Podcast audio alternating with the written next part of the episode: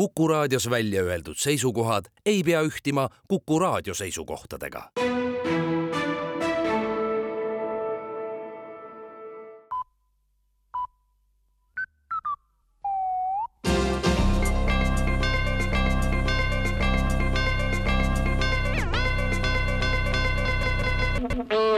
uudised on eetris ja stuudios Rohke Debelak transpordiamet annab teada, et teehooldajad hakkavad Tallinna ringteel hommikuti ise oma sõidukitega ahelavariisid korraldama aktsioon võetakse ette eriti libedate teeolude korral. kui hooldajad ise ahelavarii teevad, jääb tee suletuks ja teistel liiklejatel ei ole enam võimalik avariisid teha. see on ennetustöö kõige puhtamal kujul, selgitab Transpordiameti teade. kui planeeritud ahelavarii on valmis, siis tee suletakse ja hakatakse olukorda üle vaatama ja sõidukeid ei harutata lahti enne, kui libedus on kadunud või on tipptund mööda saanud ja liiklejad saavad ise ilma avariideta liigeldud kui planeeritud ahelavariide korraldamine Tallinna ringteel ennast õigustab ja ära jäävad kõik planeerimata avariid, siis rakendab Transpordiamet saadud kogemust ka üleriigiliselt kõikidel teedel valitsus aga annab teada, et Riigikontrolli hinnanguid riigi toimimise kohta võetakse tõsiselt ja juba töötatakse välja ka lahendusi. siseministeeriumis on valmis saanud päästevõimekuse säilitamise kava. kui maapiirkondade päästjad järk-järgult lahkuvad ühel või teisel põhjusel ja suletavate päästekomandode asendamine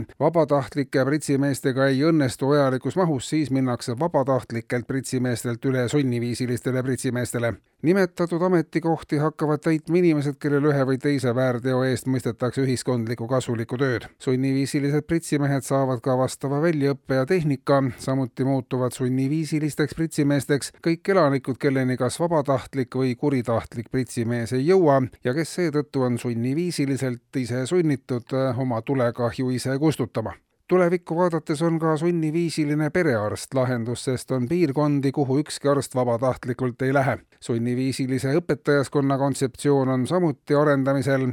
Eesti Vabariigi ümberkasvamine oludest lähtuvalt Eesti sunniriigiks on aga analüütikute hinnangul juba alanud.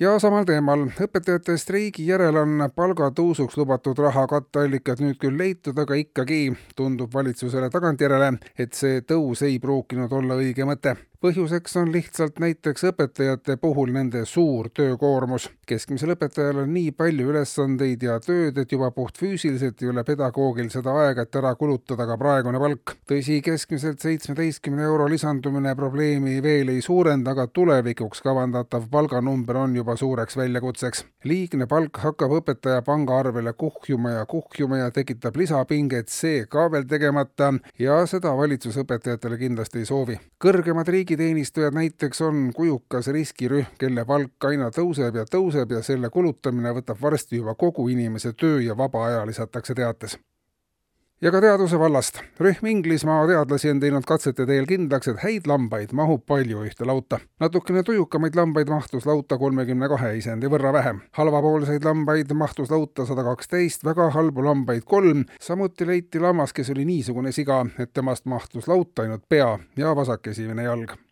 eetris olid uudised